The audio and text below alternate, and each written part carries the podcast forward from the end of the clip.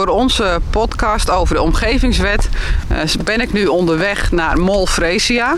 Dat is een uh, hele grote Fresia kwekerij in uh, Medemblik. En nou ja, die hebben net een hele grote innovatie gedaan. Er ligt hier namelijk een heel groot zonneboilerveld. En dat is het grootste zonneboilerveld van Nederland. En daarmee kunnen ze die Fresia's op een hele duurzame manier kweken. Ik zie aan mijn linkerhand zie ik een hele groot, heel groot bassin, denk ik dat het is. En ook manshoge zonnepanelen. Ik zie daar in de verte zie ik de eigenaar, een van de eigenaren van Mol Fresia. En dat is volgens mij Jeroen. En die hebben we gevraagd om ons wat meer te vertellen over die uitbreiding en hoe dat ook is verlopen in deze periode ter voorbereiding op de omgevingswet. Dit is de podcast Aan de slag met de omgevingswet. Wethouder Andrea van Lange legt aan de hand van voorbeelden uit de praktijk uit wat de omgevingswet betekent voor de gemeente Medemblik. Aflevering 1. Samenwerken. Goedemiddag, welkom uh, bij ons op, uh, op het bedrijf. Uh, we staan hier bij de poort van het Zonthermieveld. Dat is de, de, het veld waar we ja, twee jaar geleden aan zijn begonnen te bouwen. Na een hele lange voorbereiding en nou, dat wil ik graag aan u laten zien. Nou, ik ben benieuwd. Het ziet er in ieder geval heel indrukwekkend uit hier. Je ziet echt aan de ene kant zie je echt uh, zeg maar een beetje een, een, industriegebied. Met hier echt een, uh, ja, een heel groot agrarisch bedrijf. En dan verderop dan gaat het over in het West-Friese landschap. Met de karakteristieke stollenboerderijtjes en een mooie groene haag. Ja, nou ik zal de poort openen.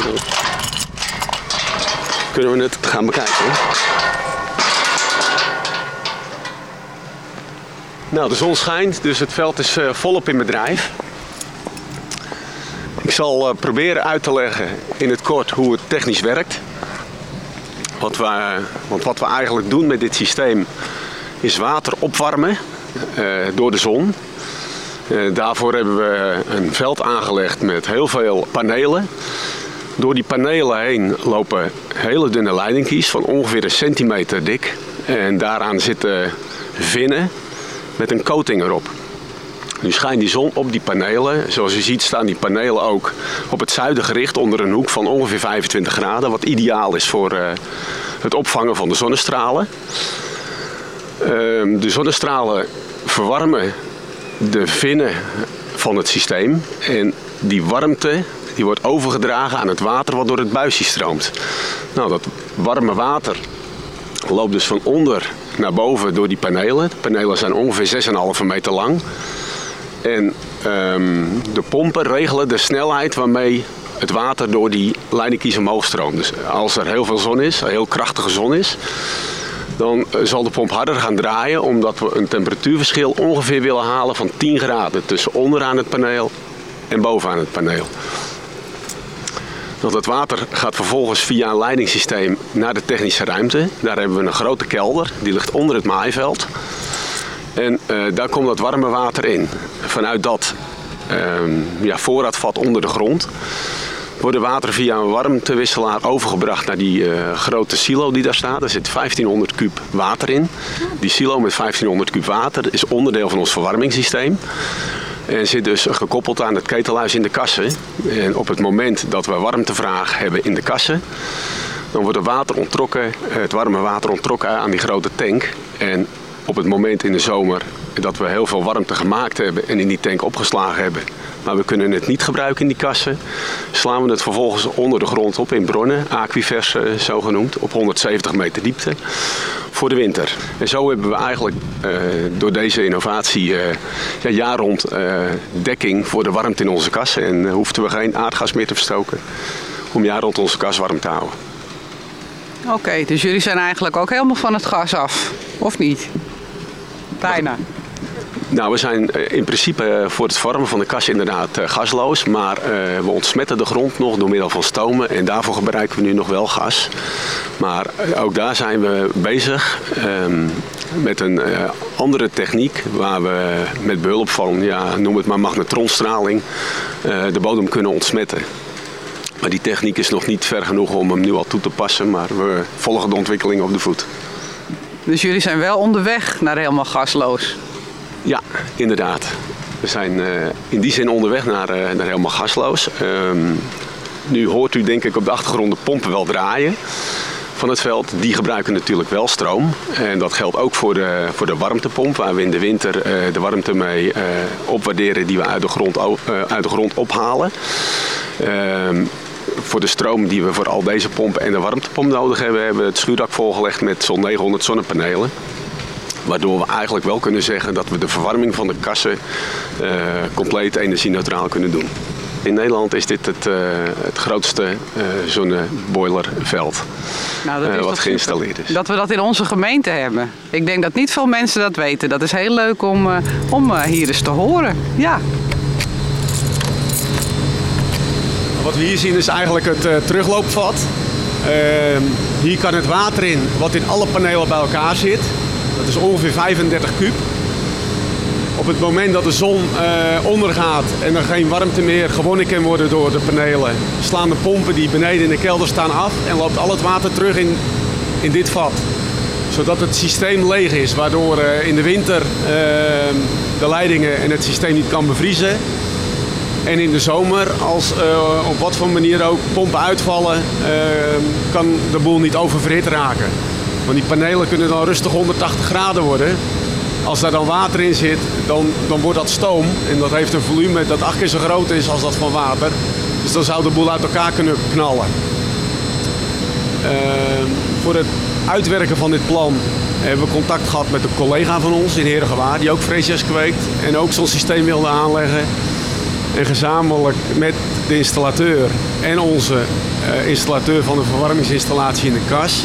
hebben we eigenlijk met vier partijen uh, een systeem uitgedacht uh, waarvan we allemaal zeiden van nou dit zou moeten werken. Uh, daarvoor is eerst bij onze collega in Herengewaard een proefopstelling gemaakt. Dat is eh, een half jaar lang gemonitord om te kijken van werkt het zoals we verwachten dat het werkt. Dat weet het. En toen zijn we verder gaan, gaan opschalen. Maar het feit dat het eerst bij onze collega de proefopstelling is gemaakt, uh, had te maken met het feit dat die zijn vergunning heel snel rond had. Omdat die in een glastuinbouw concentratiegebied zit.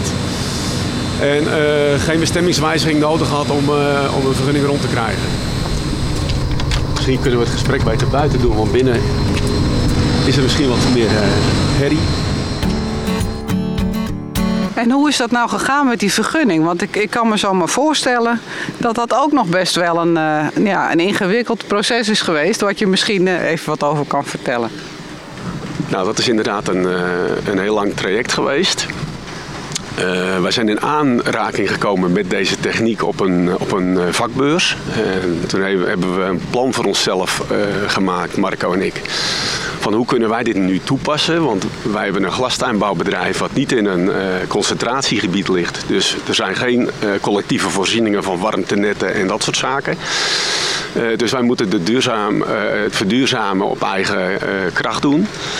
En deze techniek van zonthermie leek ons een hele geschikte om, ja, om, om dat te gaan, gaan doen. We hebben daar dus een plan voor gemaakt. Uh, daarvoor hadden we een stuk grond nodig om deze zonneweide aan te kunnen leggen. We hebben contact gezocht met de gemeente, want die had een kavel van 7 hectare grond uh, liggen. Um, en we zijn uh, in gesprek gegaan om te kijken of die aan konden kopen voor deels uh, het aanleggen van de zonneweide en deels voor uitbreiding van, van het kassencomplex. Omdat, uh, om het hele verhaal rendabel te krijgen, een beetje schaalvergroting noodzakelijk was voor een rendabele business case. Nou, de gemeente was vrij snel ehm, welwillend om daaraan mee te werken, om de grond te verkopen. En die zag ook mogelijkheden om uh, de bestemming uh, te wijzigen zodat dit mogelijk werd. Toen hebben we een uh, SDA-subsidie aangevraagd, een SDA Plus subsidie, want zonder de subsidie was dit verhaal ook niet haalbaar geweest. die is toegekend. En vanaf het moment van toekenning hadden we vier jaar de tijd om in bedrijf te komen. En dat bleek achteraf nog de grootste uitdaging. En ehm, hoe heb je toen ook de samenwerking met de gemeente, hoe heb je dat beleefd, uh, Jeroen? Nou, heel positief. Ehm, de gemeente eh, stond heel welwillend tegenover het plan en heeft alle medewerking verleend. Het enige uh, probleem waar we tegenaan liepen is dat er procedures gevolgd moesten worden die heel lang duurden. om een klein voorbeeld te geven. Er is door de provincie een aantal jaren geleden een zonneparkenbeleid, een zonneweidebeleid vastgesteld. Um, die volledig gericht was op zon-PV, dus op stroompanelen. En dat is een heel andere techniek. En um, aan de ja, eisen of voorwaarden die gesteld werden in dat beleid, konden we met deze installatie niet voldoen. Dus dat, dat hele zonneweidebeleid moest aangepast worden om dit mogelijk te maken. Nou, daar gaat gewoon een jaar overheen. Zo schoof, schoof alles op. Um, op een gegeven moment hebben we de, de procedure ook in tweeën moeten knippen. Uh, de aanleg van de zonneweide en de uitbreiding van de kassen uh, losgekoppeld van elkaar. Omdat vooral tegen de uitbreiding van de kassen ook uh, vanuit de omgeving nog wel wat weerstand was. eigenlijk meer, meer tegen de aankleding, de inkleding van, het, van de toekomstige uitbreiding. Dus hebben we dat in, in tweeën moeten eh, knippen, omdat we bang waren dat we anders de deadline voor de, voor de subsidie niet gingen halen. En dan was het eh, plan niet uh, uit te voeren geweest. En hoe is dat met de omgeving gegaan? Hè? Want met de nieuwe omgevingswet, dan wordt natuurlijk de inspraak van, van de omwonenden ook steeds belangrijker. En daar hebben jullie ook de nodige ervaringen mee gehad, heb ik begrepen, gedurende de procedure. Uh, dat uh, klopt inderdaad, ja. ja. Het is natuurlijk een goede zaak dat de omgeving mee kan denken en mee kan praten over uh, bepaalde ontwikkelingen. Ehm, kijk, ik begrijp ook, het is een, eh, een, een nieuwe een, een, nieuw iets. En in eerste instantie um, ja, wekt dat toch bij, bij veel mensen een beetje weer, weerstand op van wat gaat er allemaal in mijn achtertuin gebeuren. Maar goed, we hebben, ik denk, vier of vijf uh, informatieavonden georganiseerd bij ons op het bedrijf. Daar hebben we alle buren van uh, de Oosteindeweg, dat zijn die woningen daar. Ik denk op een uh, 500, 600 meter van deze plek af. Die hebben we uitgenodigd en de plannen uitgelegd wat we van plan waren en waarom we dat graag wilden en wat, wat dat voor consequenties had op de, op de ruimte hier. En nou, uiteindelijk werd ook uh, vanuit de provincie de eis gesteld dat het goed landschappelijk ingepast moest worden. Daar hebben we een uh, landschapsarchitect voor uh, in de arm genomen. En die heeft eigenlijk samen met de om omgeving en met ons een plan opgesteld waarin iedereen zich kon vinden. Maar goed, ja, dat heeft denk ik anderhalf jaar toch wel in beslag genomen. Dat zijn hele lange processen. Ja, en ik zie ook al een, uh, een groot gedeelte van de Haag staan hè, inmiddels. Klopt, ja. uiteindelijk is er een, een Haag gekomen met, met Else, wat hier eigenlijk heel karakteristiek is. Omdat het vroeger allemaal appelboomgaarden en perenboomgaarden waren. Waar die afgescheiden werden door Elsenhagen. Het nadeel van Els is dat ze in de winter kaal zijn. Dus vandaar is er, um, zijn de beuken erheen gemengd. Om ook te zorgen dat, uh, dat haag in de winter nagenoeg dicht is. Dat, dat is eigenlijk een, een, uh, ja, een compromis geweest om, om toch de karakteristiek van de omgeving te behouden en ook het zicht van, ja, van de kas af te halen. Nou ja, zo denk ik dat we de afgelopen jaren gewoon aan een, aan een mooi compromis hebben gewerkt. En dat je ook met allerlei afdelingen zo te maken krijgt. Hè? Want je hebt natuurlijk uh, een subsidieaanvraag heb je lopen. Je hebt uh, te maken met uh, de omgeving. je hebt ook te maken met de nieuwe omgevingswet. Dus al die dingen komen samen. En dan, het waterschap natuurlijk het water. heeft hier nog een belangrijke rol gespeeld. Omdat er ook wat, wat sloten vergraven moesten worden gedempt. En andere weer op een andere plek weer hergraven. daarnaast hebben we natuurlijk ook nog met de financiering te maken. En dat maakte het op het eind wel, uh, wel een beetje spannend. We kwamen uiteindelijk onder grote tijdsdruk te staan. Want op 1 juni 2019 moest het uh, systeem in werking zijn. En uiteindelijk is de vergunning rondgekomen rond 15 maart. En daarmee dus ook de financiering. Want de bank verstrekt geen geld op het moment dat de financiering niet onherroepelijk is. Het probleem was wel dat de installateur zei: wij kunnen wij kunnen het aan de gang krijgen voor 1 juni. Maar die moest toen in februari al uh, bepaalde materialen bestellen. En daar moesten wij wel onze handtekening voor zetten dat we die gingen betalen. Dus ja, eigenlijk uh, hebben wij dat risico wel moeten nemen. En achteraf is dat allemaal goed gekomen. En dat vertrouwen hadden we op dat moment ook wel. Maar al had het niet zo geweest, dan, ja, dan hadden we heel veel geld kwijt geweest. ja, voor niks eigenlijk. Dus het was eigenlijk toch nog wel heel spannend. Misschien heb je er ook nog wel eens een nachtje van, uh, van wakker gelegen, Jeroen. Maar hoe hadden we dat nou beter kunnen doen? Als we nou hè, dit proces moeten leren nu, op weg naar die omgevingswet. Wat hadden we dan beter of anders kunnen doen? Heb je tips voor ons? Vind ik heel moeilijk. Um, ik, ik, ben niet uh, heel goed thuis in alle wet en, regelgeving. Maar... Uh, ik denk wel dat bepaalde procedures wat sneller moeten kunnen. Ehm, want eigenlijk als je een idee hebt, een plan hebt en het is vijf jaar later pas uitgevoerd, dan. Uh, ja, ik vind dat dat eigenlijk te lang duurt. Dat zou in twee jaar toch wel rond moeten kunnen zijn. En hoe dat moet, weet ik niet. Want het is inderdaad best een, een grote ontwikkeling geweest met impact op de omgeving. En uh, ja, ik snap dat daar uh, veel mensen uh, wat van vinden en moeten vinden misschien wel. Maar toch denk ik dat bepaalde termijnen behoorlijk ingekort zouden moeten kunnen worden.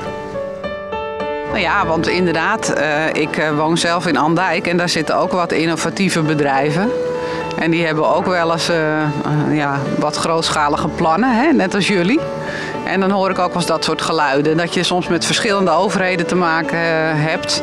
En uh, ja, als je dan als ondernemer wat wil, hè, dan wil je het liefst dat het morgen klaar is. En wat dat betreft kunnen we qua snelheid nog wel wat naar elkaar toe uh, groeien. Dus dat is een mooie tip.